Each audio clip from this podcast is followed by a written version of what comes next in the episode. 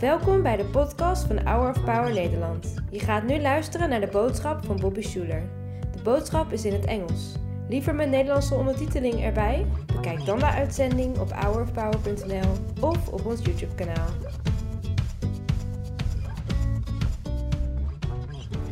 It's interesting the desire and the need to be famous, the need for glory. That's certainly not unique to Los Angeles. That goes way back, thousands of years. Everybody wanted glory. But LA is unique for a lot of good things, but it's unique for a lot of bad things. And one of the really bad things is that, you know, some people call it the city of broken dreams.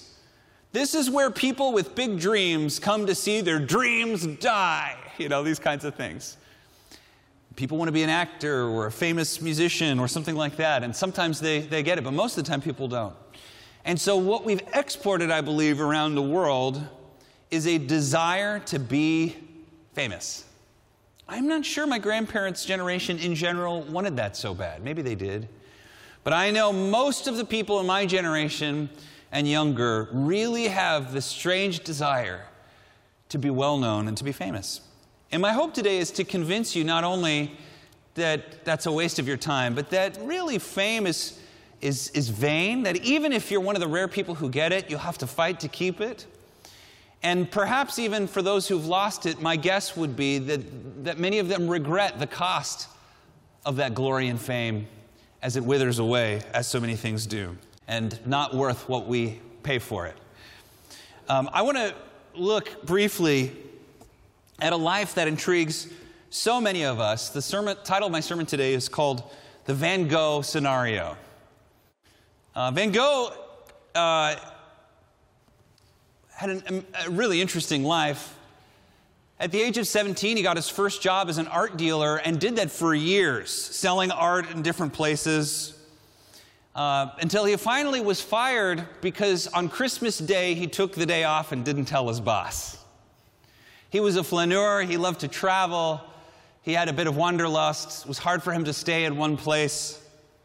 For years, he began to teach other art students and did that for a while. But you may not know this, he was a very committed Christian and actually, for a season, became a missionary and a preacher and spent a lot of time as an itinerant preacher in Belgium.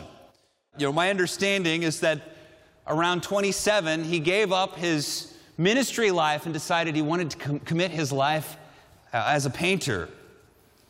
Uh, here are some of the great paintings he did. You might recognize Cafe Terrace at night. Probably your local cafe might have a copy of this on their wall. One of my favorites is Spring and Arles. Just there's something about it that pulls you in. Skull and skeleton with a cigarette. Uh, it's pretty self explanatory. Dark, you know. Bedroom in Arles is this one where he was kind of stuck in his room, so he just painted his room. It became this iconic painting. Next one is Potato Eaters. Uh, and of course, the most famous that all of us know is Starry Night. And you can't really say why Starry Night just pulls you in and why millions of people love this painting, but you just do.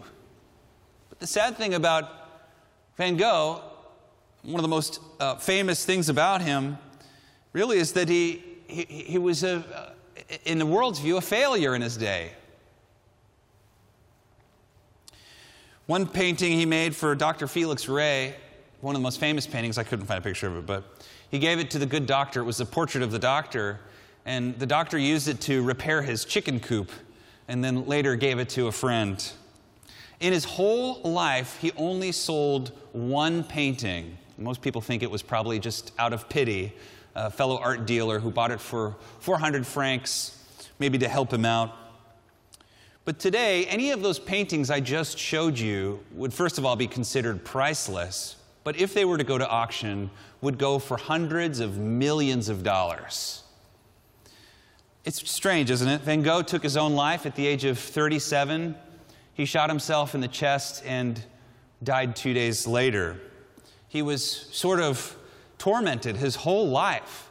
But some people assert that maybe the reason his paintings are so good is that he was, so many artists use their torment and they make dark stuff, but he was almost able to use his torment to create beautiful stuff, to, to create something beautiful out of his own struggle. And maybe that's what makes him unique or, or a little more rare than the typical artist. But it's so sad, isn't it, that he, he, he took his own life.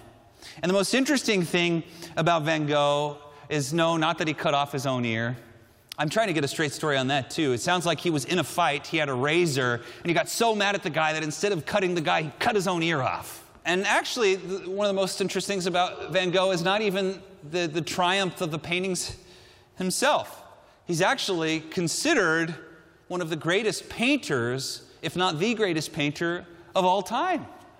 Alongside Michelangelo and Raphael and many other Ninja Turtles. No, the most interesting thing about uh, Van Gogh is that he died, in the world's eyes, a complete failure. He had almost no success, really, in a world standard in his, in his whole life. And there are many examples of this. There are Medal of Honor heroes who had no idea posthumously that they got the Medal of Honor. There's many great artists and successful leaders who did things that only after they died you could see the impact of their lives. So it's interesting how that happens, but it's especially interesting because it's, it's the, Van Gogh is the most popular and extreme example of this. And so today I'm really asking a philosophical question. Uh, would you take that deal? Would you take that deal? Is that, is that maybe something you might sign up for?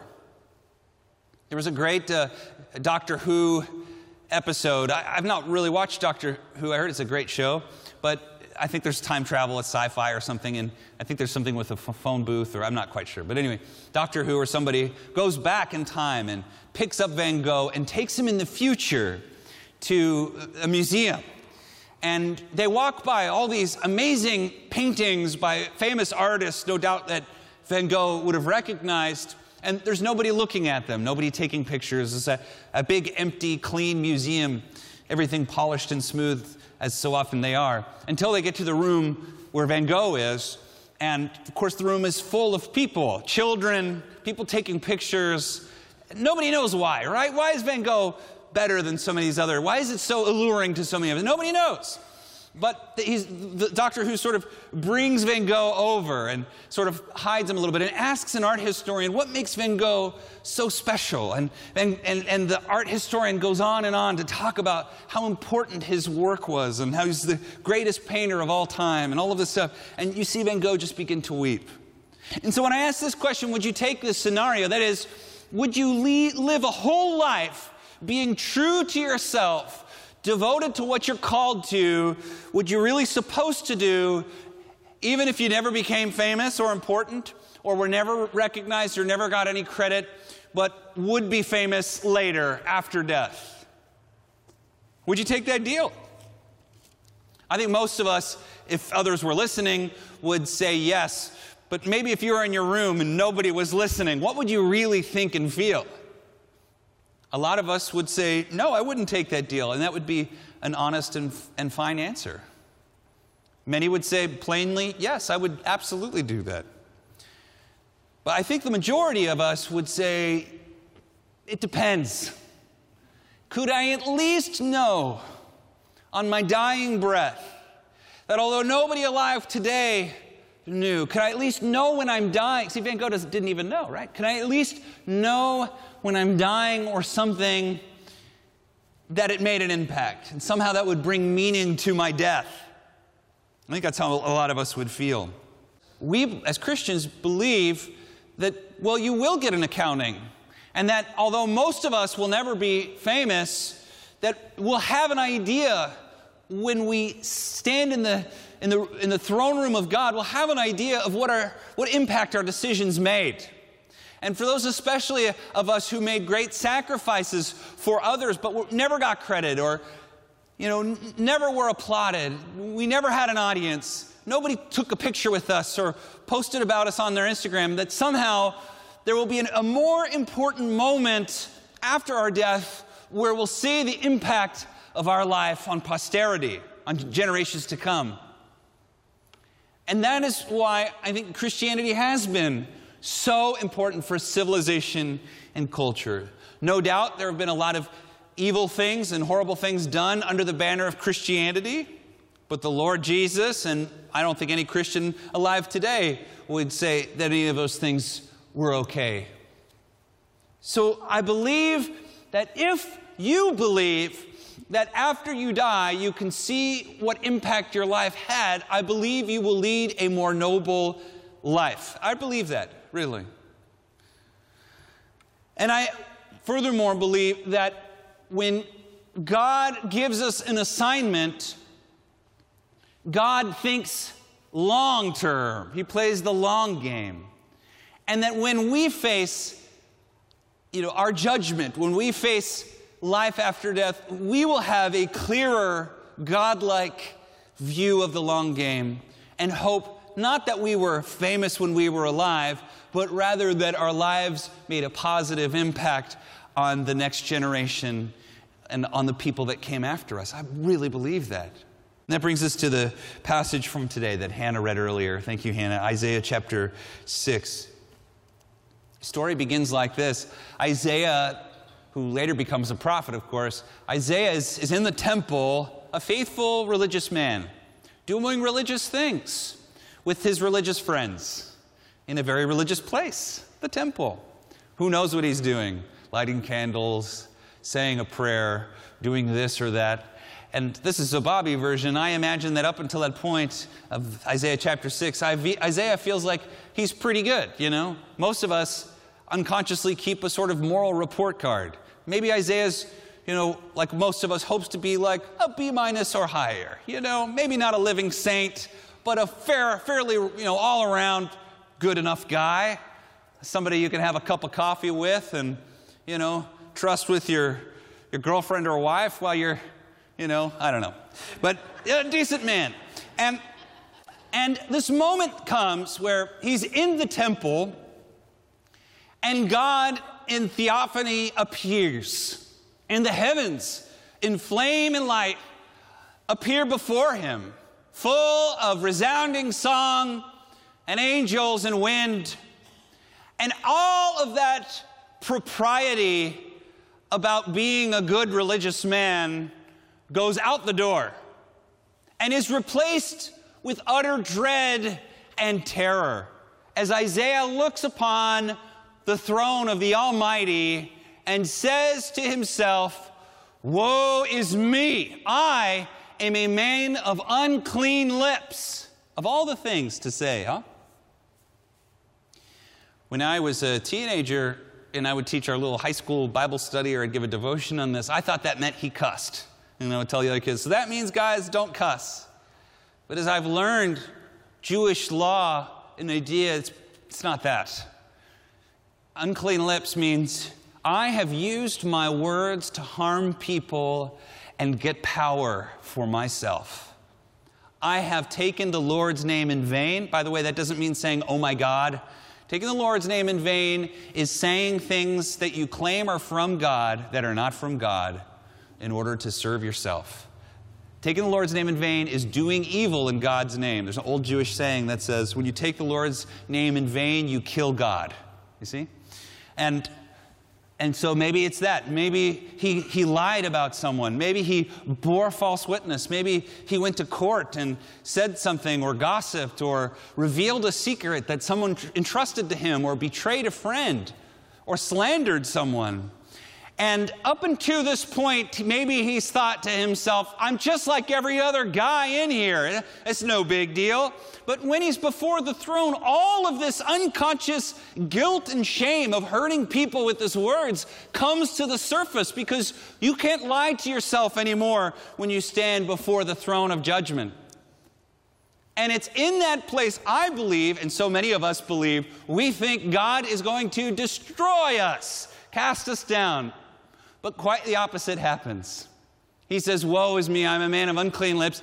And an angel comes down and picks up coal with tongs of fire and presses it on Isaiah's lips and says, Your sins have been atoned for. In other words, the slate is clean.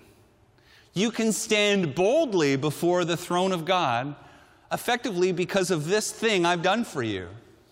God just unilaterally wipes the slate clean. Isn't that just like God? Doesn't cast him down, doesn't curse him, doesn't strike him dead, but invites him. And then a call goes out, not to Isaiah, but to the thousands, yes, thousands of people who are in there worshiping. And what does it say? All he says is, Who will go for us? Whom shall I send? If you've gone to church for a while, you know the preachers love to preach on this verse. And they only love the first half, though. They don't get to the second half. And the second half's the most important part. We're going to get to that just a minute. But yeah, he says, Who will go for us and whom shall I send?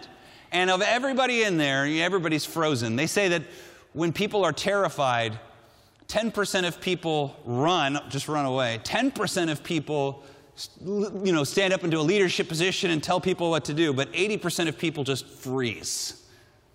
I imagine everybody's frozen, except for Isaiah, who has now had this unconscious guilt and shame completely wiped away from him, perhaps doesn't feel any fear anymore at all, sees the throne in a very different light, raises his hand in a very loud voice, says, Here I am, send me. And God says to him, Go and tell this people, be ever hearing, but never understanding, be ever seeing, but never perceiving. Make the heart of this people calloused, make their ears dull, close their eyes Otherwise, they might see with their eyes and hear with their ears and understand with their hearts and turn and be healed. It kind of sounds like Jesus, doesn't it? Speaking in riddles. But, uh, and then Isaiah, so he says, just go and, and just preach them, and they're not going to hear you. They're going to harden their hearts. They're going to hate you. They're not going to like you. And then, it, and then I said, How long, Lord? And he answered, Until the cities lie ruined and without inhabitant until the houses are left deserted and the fields ruined and ravaged, until the Lord has sent everyone far away and the land is utterly forsaken. And though a tenth remains in the land, it will be again be laid waste. But as the terebinth and oak leave stumps when they are cut down, so the holy seed will be the stump in this land. God if you're going to look at this through secular, worldly eyes, God is calling Isaiah to fail. He's calling him to be an annoying street preacher that nobody's going to listen to. And Isaiah, I think, is so full of relief for the atonement of what he's done that he just is fine with it and somehow trusts that God can, like, it's a natural question, isn't it? Why would you call me to preach? to a bunch of people and you're guaranteeing me no one will listen. Why would I do why, what's the po- what is the point of that? And the answer is that God's vision is much longer than the short length of a man's life. And that in redeeming and calling man to an eternal calling, he's able to give meaning to the brevity of the life of that man. That in such a short time, one man can make such a big difference. And boy, did Isaiah make a difference. That passage, we're still reading it 3,000 years later, huh? whatever it is, thousands of years later. And they still encourage us today. And they show us what happens when a whole society turns its heart in a hardened way towards the poor and to the needy and to those who are cast down and begins to sacrifice children to idols. We see what happens to that, and that can have an impact on us today. It didn't happen in Isaiah's day, and it didn't happen in Van Gogh's day, but it happened. You see what I'm saying? It happened. And that's why the simple message today is just don't be a persona. Don't pretend, but be true and just trust God. Be true and trust God. You know, don't, don't give away your soul. Don't live a life trying to be famous or trying to get credit, or maybe you're in an academic setting trying to always be at the highest level in a hierarchy or, or what, all of these things we fight for. They're, they're okay, but, but, but don't be upset if it doesn't happen. God's call for you probably won't make you famous. And that's okay, because God's calling for you will bring you a joyful, good life.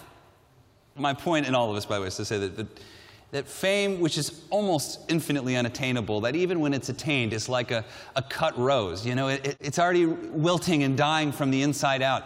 That some of the most famous people in the world in their day, people who couldn't have walked outside of their doors without a mob and cameras, now are forgotten by the next generation. In such a short time, it's amazing how quickly people can be forgotten. So, my point in all this is to simply say, you know, even if you become one of the most famous people, people will forget. People will forget. People will forget. They'll forget.